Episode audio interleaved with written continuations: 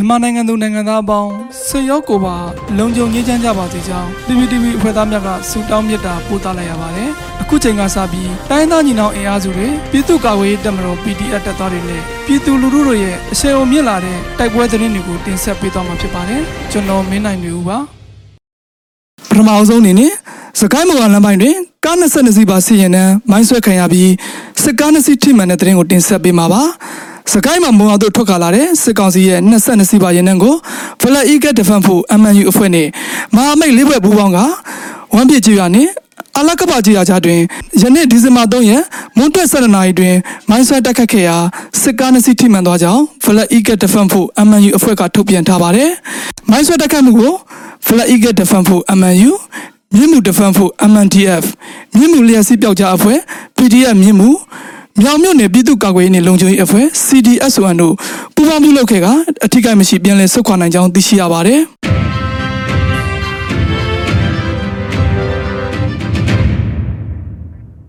ဆက်လက်ပြီးရန်ကုန်တိုင်းလိုင်မြို့နယ်ဖရောက်ချောင်းရဲစခန်းမှာနေရရက်တအုပ်အပြစ်ခံရတဲ့တဲ့ရင်ကိုတင်ဆက်ပေးမှာပါ။လိုင်မြို့နယ်ဖရောက်ချောင်းရဲစခန်းမှာရက်တက်ကြကြီးကမောင်ဝင်းဟာယနေ့နေ့နဲ့၈နာရီအချိန်လိုင်မြို့နယ်ဖရောက်ချောင်းကရက်ကွက်စီမြတ်နာလမ်းပေါ်သို့ဈေးဝယ်လာစဉ်တ နတ်သမား၃ဦးကတနက်ဖြင့်ဝဲနဲ့ထင်တစ်ချက်နောက်စစ်တစ်ချက်နောက်ကျောတစ်ချက်စုစုပေါင်း၃ချက်ပြစ်ခတ်ကဒဏ်ရာများဖြင့်ပွဲချင်းပြီးတည်ဆုံသွားကြောင်းသိရှိရပါတယ်။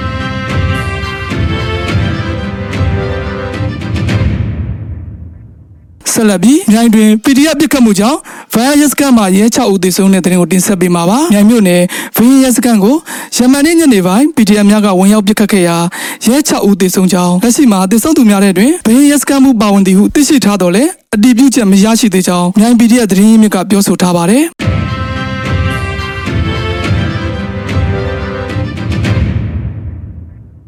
ဆက်လက်ပြီး ရန်ကုန်မန္တလေးအမြန်လမ်းတွင်စီရင်တန်းကိုကြောက်စပီဒီယာများပူးပေါင်းတိုက်ခိုက်ခဲ့တဲ့တဲ့ရင်ကိုတင်ဆက်ပေးမှာပါရန်ကုန်မန္တလေးအမြန်လမ်းမိုင်းတိုင်အမှတ်343မိုင်9ဖာလုံးတွင်အေအား30ကျော်လိုက်ပါလာတဲ့စစ်ကောင်စီရင်တန်းကိုကြောက်စပီဒီယာတပ်ဖွဲ့ကဒီဇင်ဘာလ2ရက်နေ့မွန်းလွဲတနာရီမိနစ်40တွင်မိုင်း6လုံးခွဲတိုက်ခိုက်ကြောင်းကြောက်စပီဒီယာက သတင်းထုတ်ပြန်ထားပါတယ်။ဒီဇင်ဘာလ2ရက်နေ့မွန်းလက်တနာရီ40မိနစ်အချိန်ရန်ကုန်မန္တလေးအမြန်လမ်းအတိုင်းမန္တလေးမြို့သို့ဥတီမောင်းနေလာတဲ့လက်နက်အပြည့်စုံနဲ့အင်အား30ကျော်ခန့်လိုက်ပါလာတဲ့အကြမ်းဖက်စစ်ကောင်စီရင်နှံကိုကြောက်စဲခရိုင်ကာကွယ်ရေးတပ်ဖွဲ့ KTTF နဲ့ People Defense ဖို့ကြောက်စဲမဟာမိတ်ညီနောင်ပူးပေါင်းအဖွဲ့ကအမြန်လမ်းမိုင်းနယ်အမှန်343မိုင်9ဖာလုံးတွင်ကားမိုင်း6လုံးဖြင့်ဖောက်ခွဲတိုက်ခတ်ခဲ့ခြင်းဖြစ်ကြောင်းသိရှိရပါတယ်။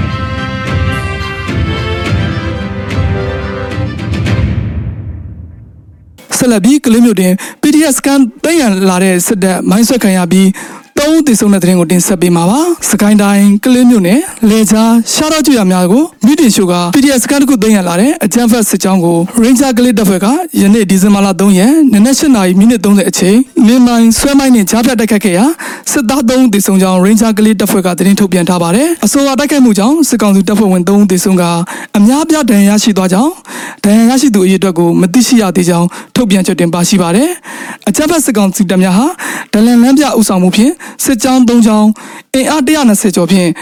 Ranger ကလေး Defense Force စီတို့ပိတ်ဆို့စကန်တင်ရန်တက်လာစဉ် Ranger ကလေးတပ်ဖွဲ့ကကြိုတင်သတင်းရရှိသည့်အတွက်ဖောက်ခွဲတိုက်ခတ်ခဲ့ခြင်းမှာ Ranger ကလေးတပ်ဖွဲ့ဝင်များတစုံတအူဖမ်းဆီးခံရခြင်းမရှိအထိကိမရှိဘဲဘေးလွတ်ရာတိတ်ဆောင်နိုင်ခဲ့ကြောင်းထုတ်ပြန်ချက်တင်ပါရှိပါတယ်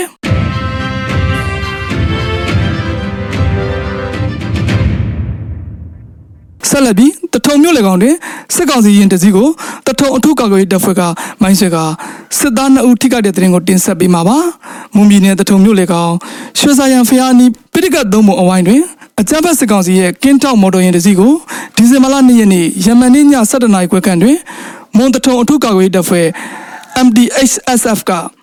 မိုင်းဆွဲတိုက်ခတ်ခဲ့ပြီးစစ်သား2ဦးထိခိုက်ဒဏ်ရာရရှိကြောင်းသိရှိရပါတယ်။ အကြမ်းဖက်စစ်ကောင်စီကိုထောက်ခံအားပေးသည့်မြစ်တိပုတ်ကိုအစုအဖွဲ့ကိုမဆိုတိုက်ခိုက်သွားမည်ဖြစ်၍ပြည်သူများအနေဖြင့်စစ်ကောင်စီတပ်များလက်ပါစီများနှင့်ကင်းကင်းရှင်းရှင်းနေကြရန်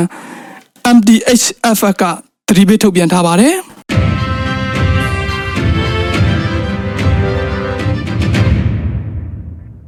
နောက်ဆုံးအနေနဲ့အမျိုးသားညီညွတ်ရေးအစိုးရပြည်ထရေးနဲ့လူဝင်မှုကြီးကြပ်ရေးဝန်ကြီးဌာနက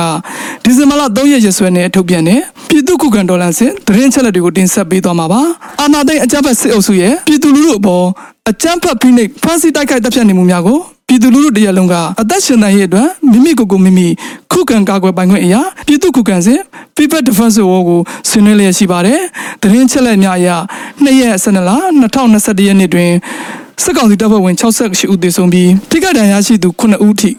ခုခံတိုက်ခိုက်နိုင်ခဲ့ပါတယ်။အာဏာရှင်စနစ်မြမမြေပေါ်မှာအပြစ်ဒဏ်ချုပ်ငြင်းရင်းနဲ့ဖက်ဒရယ်ဒီမိုကရေစီတည်ဆောက်ရေးအတွက်ငြိမ်းချမ်းစွာဆန္ဒပြသည့်လူလူတပိတ်တိုက်ပွဲများကပြည်내နဲ့တိုင်းဒေသကြီးများမှာဖြစ်ပွားပေါ်ပေါက်လျက်ရှိပါတယ်။မြေပြင်မှာယခုတွေ့ရှိရတဲ့သတင်းအချက်အလက်များထက်ပို၍ဖြစ်ပွားနိုင်ပါတယ်ခင်ဗျာ။ရေတော်ဘုံအောင်ရမည်ရေတော်ဘုံအောင်ရမည်